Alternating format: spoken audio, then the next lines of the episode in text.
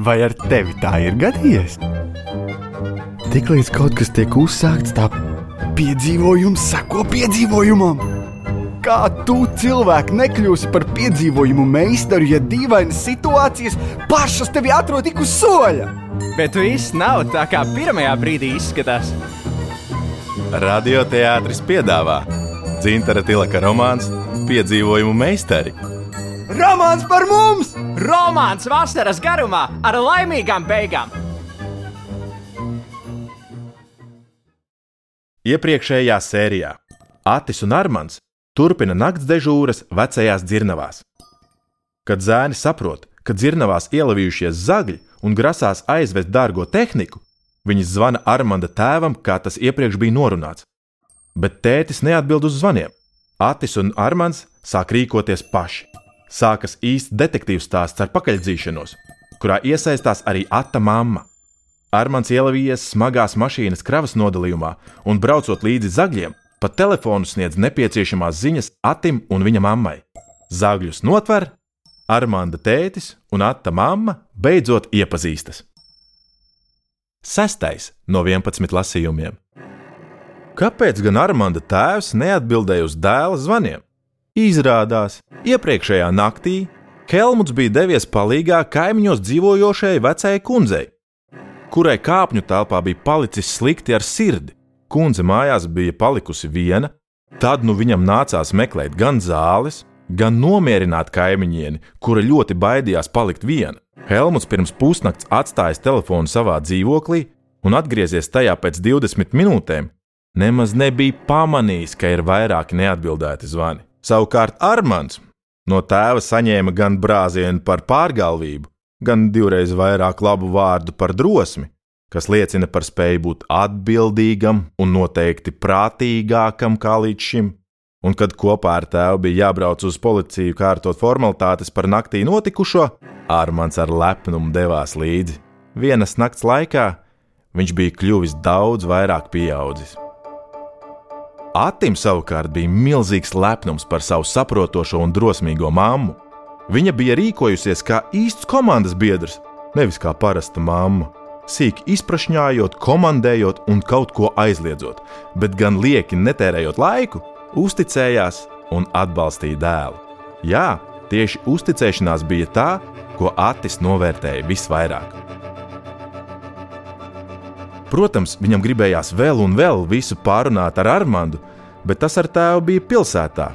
Tādēļ, lai vēlreiz atgrieztos pie piedzīvotā un mazliet palielītos, Atis meklēja dviņu māsas, jo tās varētu būt laba publika šādam piedzīvojumu stāstam.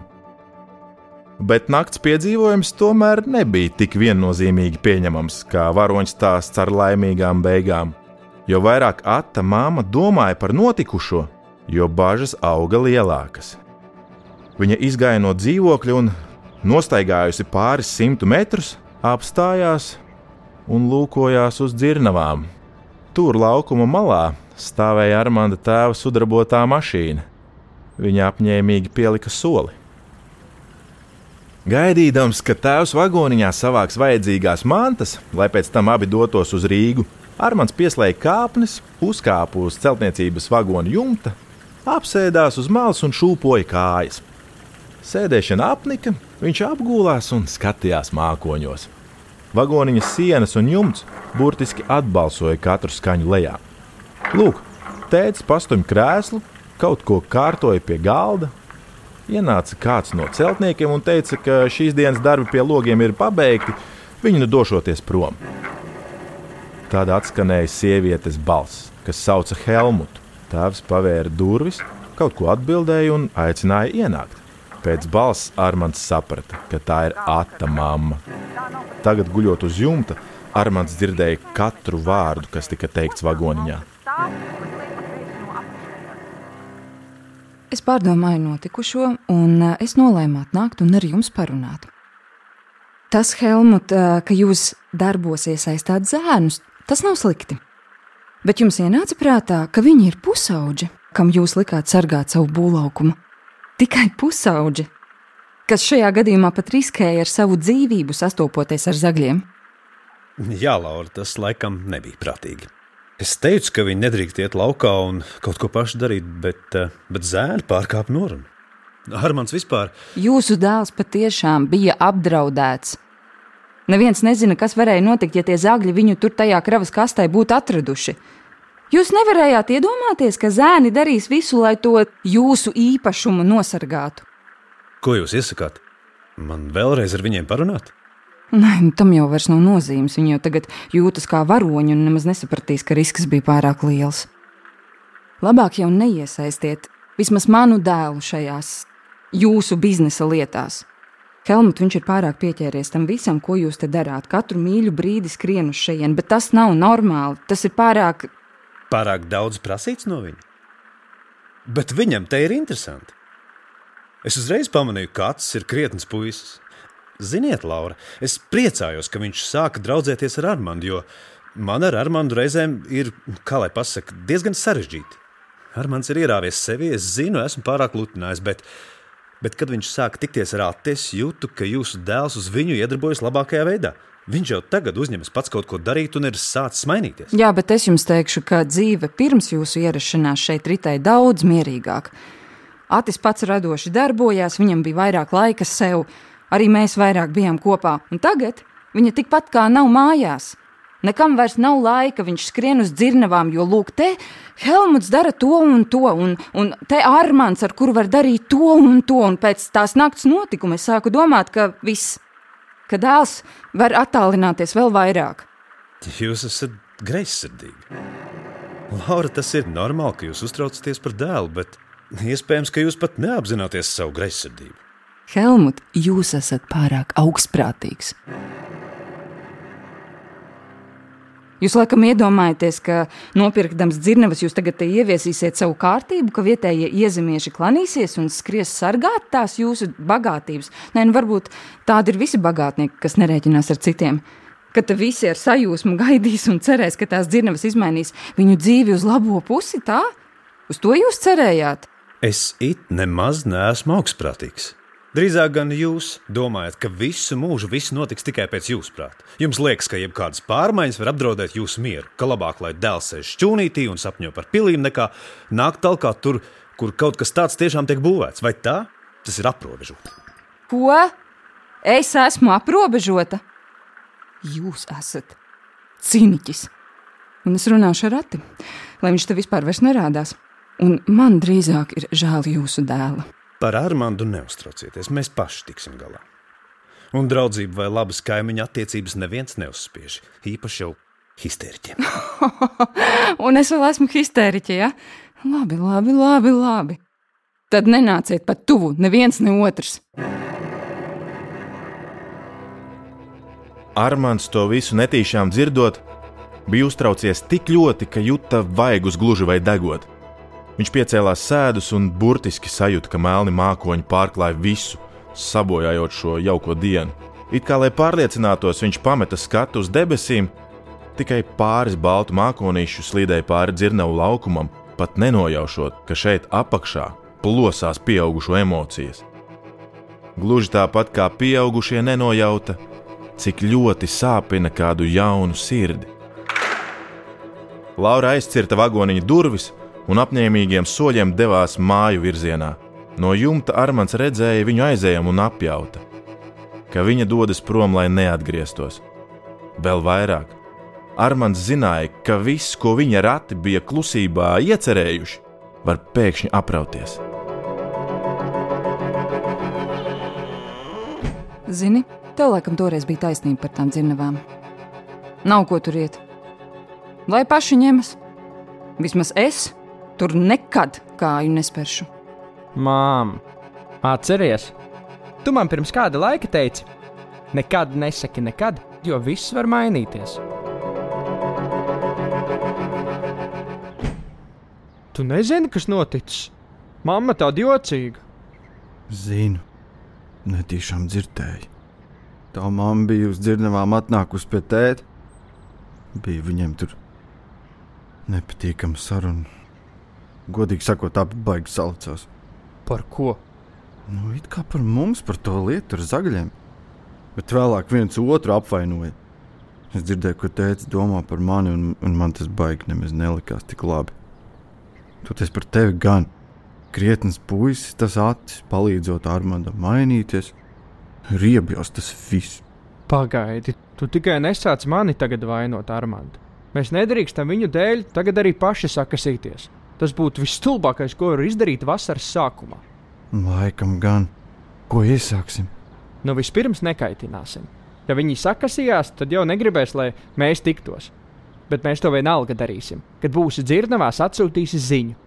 Mēs varam saskrieties pie upes. Es pateikšu, ka eju makšķerēt. Ok? Labs ir. Atis ar makšķeri sēdēja svētas krastā. Makšķeri bija nolikta blakus, jo Atim nebija atbilstoša gara stāvokļa, lai vērotu upē iemestu pludiņu. Tagad kas cits likās daudz svarīgāks. Pēc brīža viņam pievienojās Armāns un apsēdās netālu. Kas tur īsti notika? Tu esi tas pareizais, un es ne. Beidz, ja? Cik nopietni viņi sastrīdējās? Tik nopietni, ka tavējā prom ejot aizcirta durvis, pateica, ka kāja dzirnavās vairs nesperšot, bet manējais nemaz nemēģināja viņu nomierināt un aizturēt. Ja godīgi, viņi abi ir vainīgi. Tās pateica, ka viņa ir greizsirdīga un aprobežota. Arī kas ir histēriķi, bet, bet tā mamma uzreiz iedomīgais, bagātnieks, cīnītis un tā tālāk. Panesās konkrēti. Tā kā tādi bērni. Viss bija labi, visi draudzīgi noskaņoti šeit. Ko darīsim ar viņiem? Neko mēs nevaram darīt. Jāgaida, kad beigs par to visu cepties, un kad aizmirsīsies. Tas reāli nebūs tik ātri. Varbūt vajag prasības uzrakstīt, vai nu salikt mieru, vai, Vai ko? Bada streiks! vai aizbēgsim. Ko?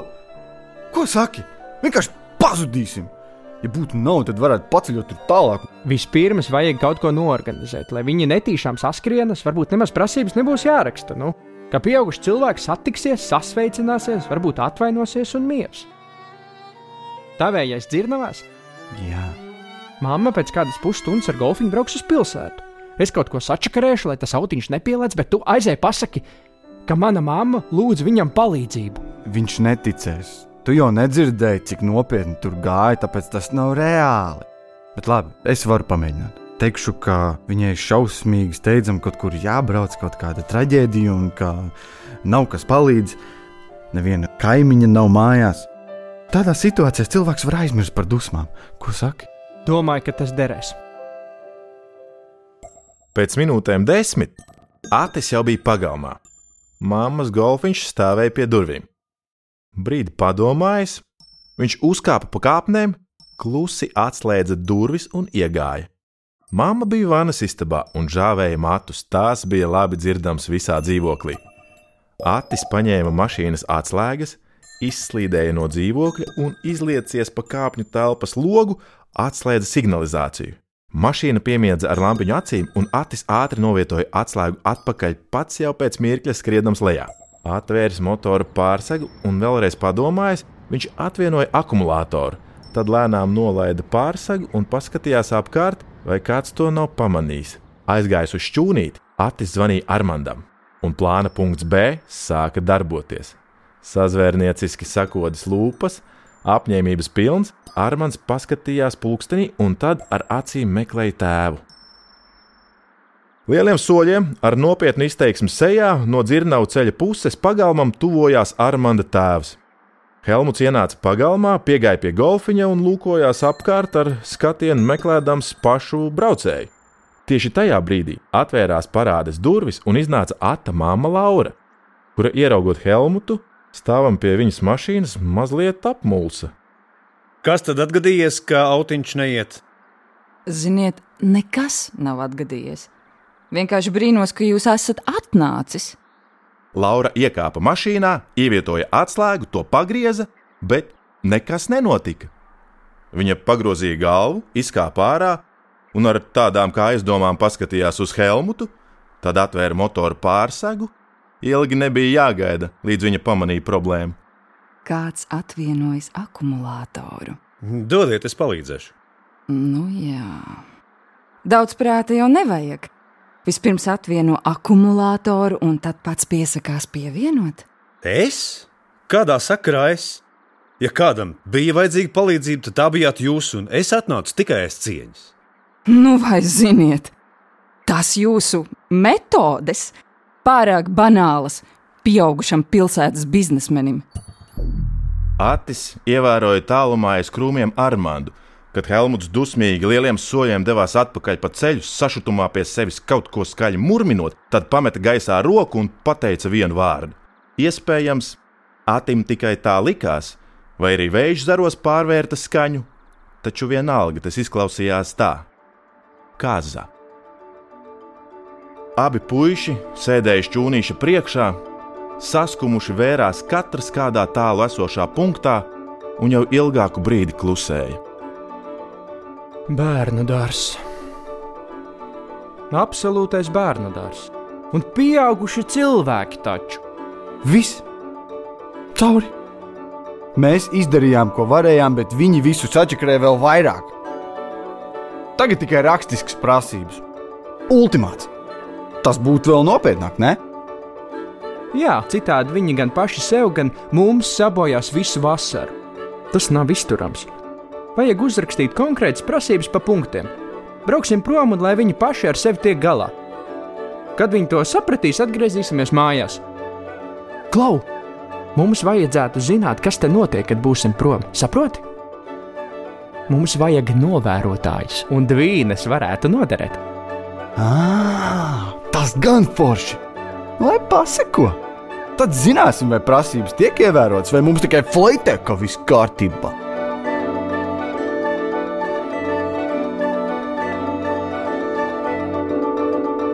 Izskanēja Dzintara Tilaka romāna Piedzīvojumu meistari sestais lasījums. Tajā satikās un lomas ierunāja Atis, Agris Krapivņīckis, Armands, Toms Veličko, Armanda tētis, Girts Alsters, Atta mamma, Inga Tropa. Piedzīvojumiem līdzi sekoja režisors Juris Jonelis, skaņu režisors Ivo Tauriņš un es Mārtiņš Počs. Radio lasījumu veidoja Laima Matuzāle, producente Māra Eglīte. Latvijas radioteātris 2020. gads.